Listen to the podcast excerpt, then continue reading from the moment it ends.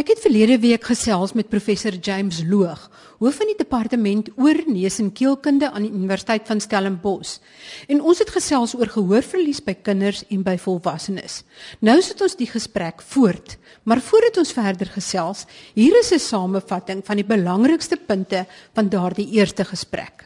Die eerste een 'n mens hoor deurdat klankgolwe in die oor deur allerlei ingewikkelde aksies omgeskakel word tot elektriese impulse wat dan weer die senuwee, dit is die gehoorsenuwee stimuleer wat dan impulse na die brein gelei.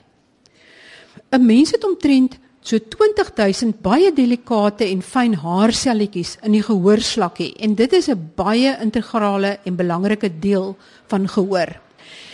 Die derde belangrike punt is ons hoor dus met ons brein want as die senuwee se impulse nie die dele van die brein bereik wat gehoor registreer nie, kan ons nie hoor nie. Daar is honderde dinge wat verkeerd kan loop wat gehoorverlies kan veroorsaak. Die volgende belangrike punt is dat daar twee tipes gehoorverlies is of sal ons sê die twee belangrikste tipes. Die een is 'n geleidingsgehoorverlies en dit het te doen met 'n blokkasie of 'n wanfunksie van die gehoorbeentjies en dit lei tot 'n een eenvoudige gehoorverlies As die klank gewoonlik sterker gemaak word, kan mens beter hoor. Die tweede soort gehoorverlies is sensoriese neurale gehoorverlies en dit het te doen met die gehoorslakkie en die senuwee daar die brein. Dit is baie moeiliker om reg te maak. Die volgende punt is dat by kinders is een van die algemeenste probleme wat gehoorverlies betref is gomore. En ons gaan nou nou weer iets daaroor sê oor die behandeling daarvan. Die ernstige gehoorverlies by kinders is dan wel weer eens die sensoriese neurale gehoorverlies en dit tref soort van 2 uit 1000 babas. Dit is baie belangrik dat dit so gou as moontlik na geboorte gediagnoseer word. Anders kan die brein nie gehoorimpulse ontvang nie en hy kan nie leer wat is klank en hoe om te hoor nie en die baba kan nie leer om te praat nie. Dit is baie belangrik om te besef dat net jong kinders kan aanleer om te leer praat en die kind moet jonger as 3 tot 4 jaar oud wees. Jy moet dus baie vroeg optree want die kind kan nie soos wat dokters voorheen gereken het opvang met dit wat hy agter geraak het nie. Gehoorverlies by 'n kind kan baie maklik opgespoor word met 'n siftingsgehoortoets die dag van geboorte. Dis 'n eenvoudige toets en dit kan dadelik aandui of die kind kan hoor of nie kan hoor nie. Die volgende punt is dat kokleaire implantings op al hoe vroeër ouderdom gedoen word. As die kind se gehoorverlies voor ouderdom van 6 maande opgespoor kan word, kan die kokleaire implanting so gou as moontlik daarna gedoen word. Die tegnologie van kokleaire implantings het baie verbeter en die klank klink ook baie natuurliker. Ons is dan weer terug vinnig by gom oor en die belangrikste punt hierso is dat wag liefs 3 maande voordat grommets ingesit word. Ons kyk vinnig na wat oor ouer mense se gehoorverlies gesê word. Dit is meestal ouderdomsverwant weens die degenerasie van daardie 20000 delikate haarselletjies in die gehoorslakkie en ongelukkig is hierdie haarslakkies se degenerasies van die eerste wat begin met ouderdom en wel al dit kan selfs al op 'n jongerige ouderdom begin. Mense wat aan hierdie tipe gehoorverlies ly, is geneig om hoë toonklanke se klank eers te verloor en dan verloor hy ook die vermoë om te diskrimineer tussen klanke. Tipies wat dan gebeur is dat die een wat aan hierdie gehoorverlies ly sal sê dat mense praat onduidelik en dan as die mense weer harder praat sal hulle weer vinnig sê die mense praat te hard, hulle is nie doof nie.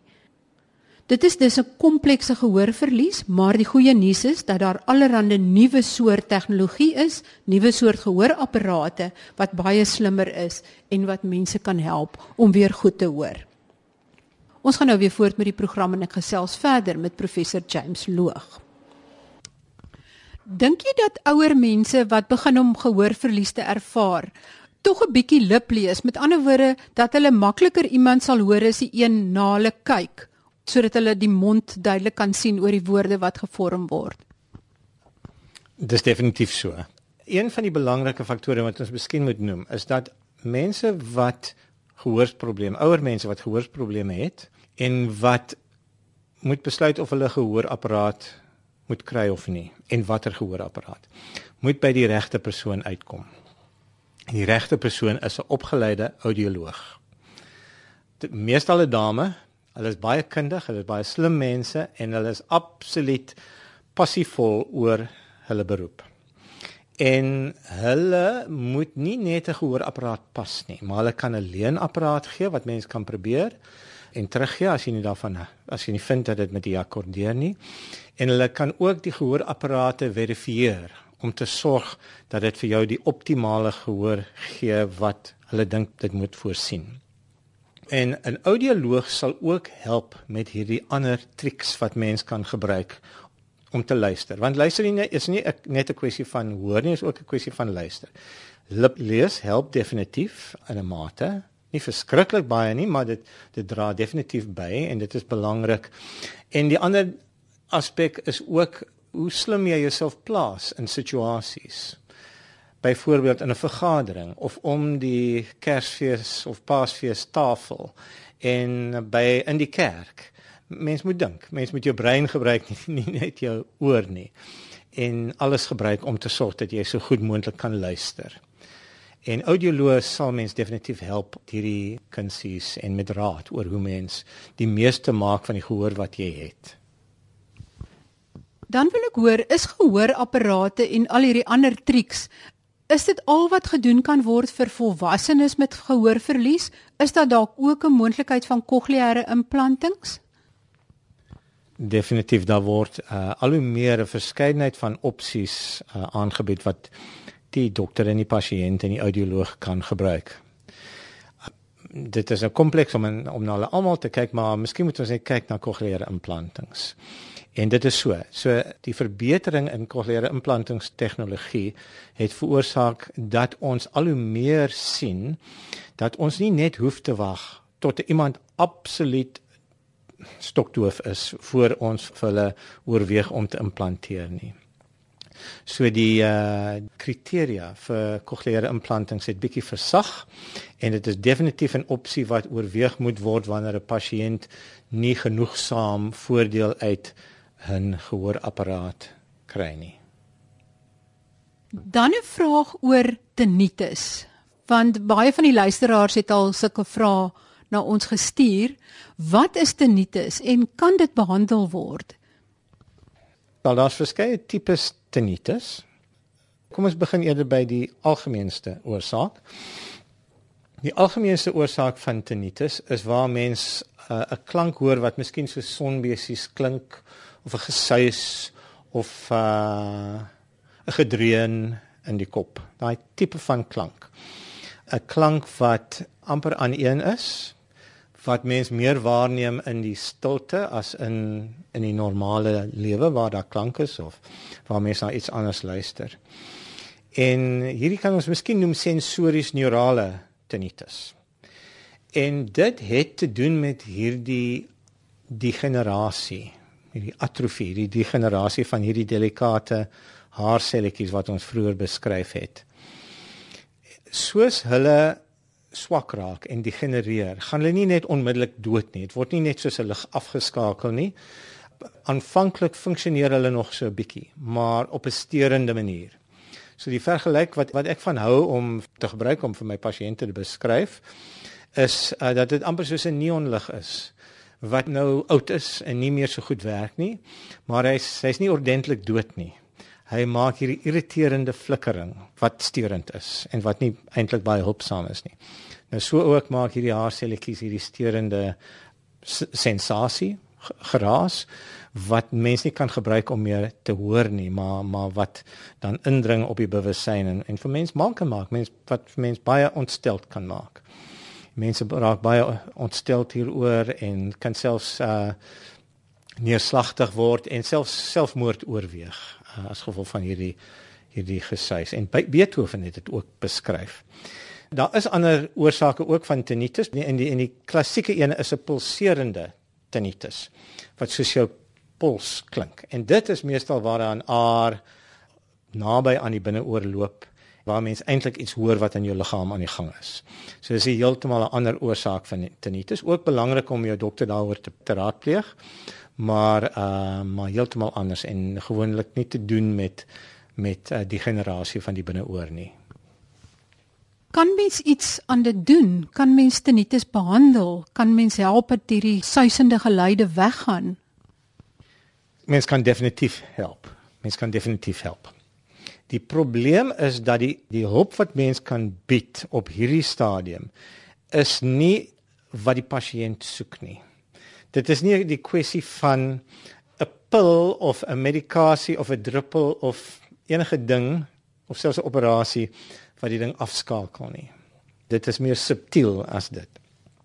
En die probleem daarmee is dat jou pasiënt vir jou vra kan jy vir my help en jy sê ja, ek kan vir jou help. En jy verduidelik dan vir hom hoe jy vir hom kan help en dan sê hy vir jou terug, o, so dokter sê daar's niks wat gedoen kan word nie en ek moet dan maar net daarmee saamlewe. So al hierdie verduideliking wat jy nou gegee het, het duidelik nie sy kol bereik nie. Die antwoord is dat ons die krag van die brein kan gebruik om daardie tinnitus in die agtergrond te stoot om hom in die agtergrond te masseer, sal mense nou sê.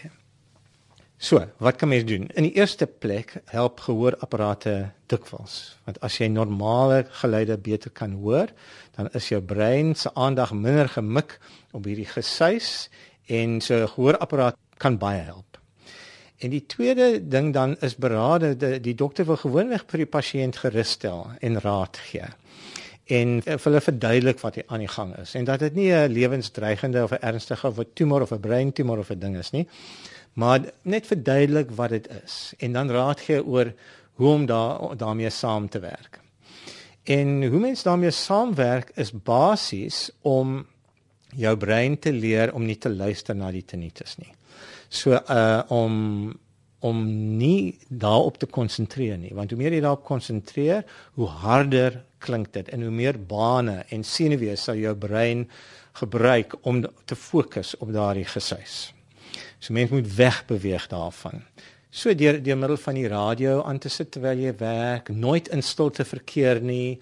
As jy bewus is van jou tinnitus om iets te gebruik wat jou brein sal aflei. Die meeste mense sê hulle neem dit nie waar in die dag terwyl hulle besig is nie, maar miskien in die, as dit stil is in die aand. So die antwoord is vir my die stilte. Nie 'n harde geraas natuurlik nie, maar mooi sagte musiek. Jy moet amper as jy luister met jy amper jou tinnitus kan hoor. Maar net bo kan die klank van die van die radio wat ook al in die agtergrond is, sodat jou brein dan fokus op die sinvolle geluid en hierdie sinnelose aaneenlopende geluid sal jou brein dan sê, "Wel, is baie klein. Kom ons kom ons steur ons minder daarin en jou brein sal dan dan leer om dit te ignoreer. En hierdie prinsip word beskryf as tinnitus retraining therapy. En dit is pragtig beskryf deur 'n paar mense in die literatuur en mense kan hulle Google ook. Um die man wat dit wat dit uitgedink het in die begin was 'n Oos-Europeër met die naam van Jastrobov. J A S T R E B O F dink ek. Pavel Jastrobov. Maar daar's 'n Engelsman genoem Jonathan Hazel wat dit baie goed oordra in leuke taal en dit kan mens kry. En as mens dit verstaan en as mens net eenvoudige stappe doen in in jou huis, dan kan mens die probleem kleiner maak. Ek beveel dit vir my pasiënte aan dat hulle iets skryf wat hulle langs die bed sit, langs op die tafeltjie langs die bed wat 'n mooi strelende klank maak, die klank van die see of reën of die bosveld se duwe of miskien 'n fonteintjie in die kamer sit wat lekker borrel wat mense aan op kan fokus. Dit is op hierdie stadium wat ons oor die algemeen aanbied. Mense kan pille gaan koop en daar's geen bewys dat hulle werk nie en dan word jy verslaaf aan die goed want jy dink dat as jy ophou dit erger sal word en jy is nie seker jy wag jy's in aanwagting so jy gee al jou geld uit op hierdie pille. So oor die algemeen beveel ons nie pille aan nie. Dit is ook goed om by 'n audioloog of 'n dokter of 'n audioloog te kom wat vir jou goed kan beraad en vir jou goed raad kan gee. En uh, daar is mense hier in die Kaap wat groot belangstelling het juis in tinnitus en wat pasiënte kan help. Ons kan ook sielkunde gebruik Ek weet nie hoe goed hipnose werk nie, maar dis hierdie tipe van ding. So jy sal sien dat uh, ons werk nie juist met die oor nie. Dit is meer dat ons met die met die brein werk om nie so seer die tinnitus weg te neem nie, maar om die be bewustheid van die tinnitus te verminder. En dokters en persone wat goed aangepas is by by hulle eie tinnitus sal sê as ek luister daarvoor dan hoor ek hy's nog daar. Maar die oomblik wat ek ophou om te luister dan is hy nie meer daar nie. Dit is darem positiewe nuus. Soos wat daar middels is wat tinnitus kan aanbring of vererger, is daar ook middels wat jou gehoorsenuwee kan aantas. Kan jy dalk 'n paar van hierdie middels noem wat 'n uitwerking op jou gehoorsenuwee het? Ja, dis dis so, daar is wel middels wat toksies is vir die oor. So hulle word dan ototoksiese middels genoem. Gelukkig is baie van hulle is maar van tydelike uitwerking. So selfs uh doodgewone ding soos Disprin kan uh kan tinnitus en 'n bietjie gehoorsverlies veroorsaak. Party uh diureticum, so dit is dan waterpilletjies. Maar die die ernstigstes van hulle is essensieel twee of drie groepe.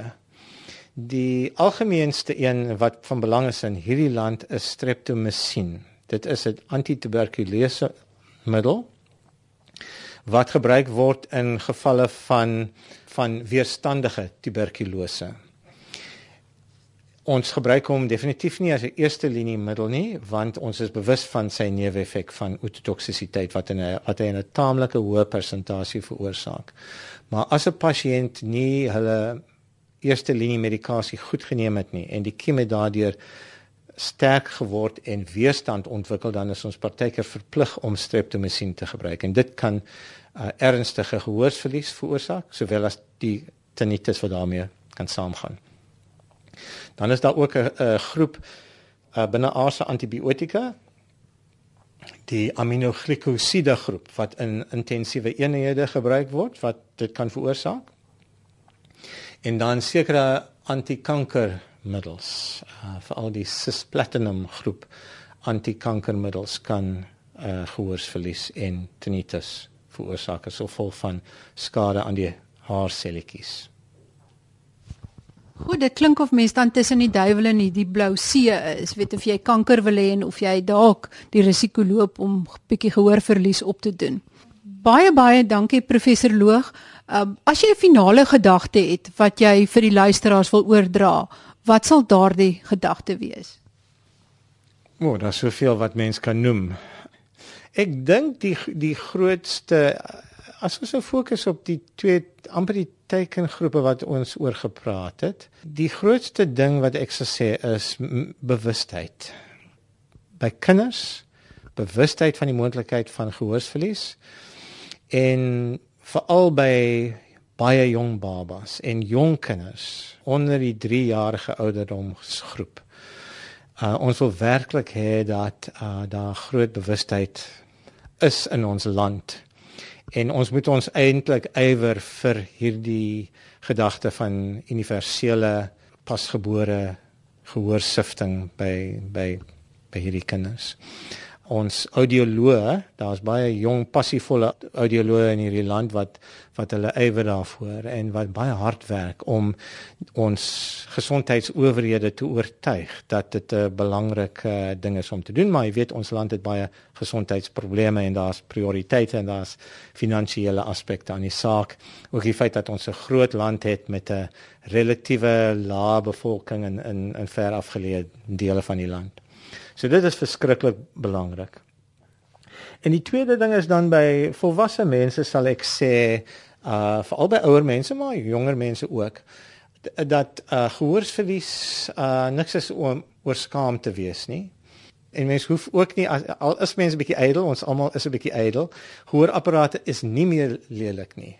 Uh hulle kan nogal funky lyk, hulle kan baie goed lyk.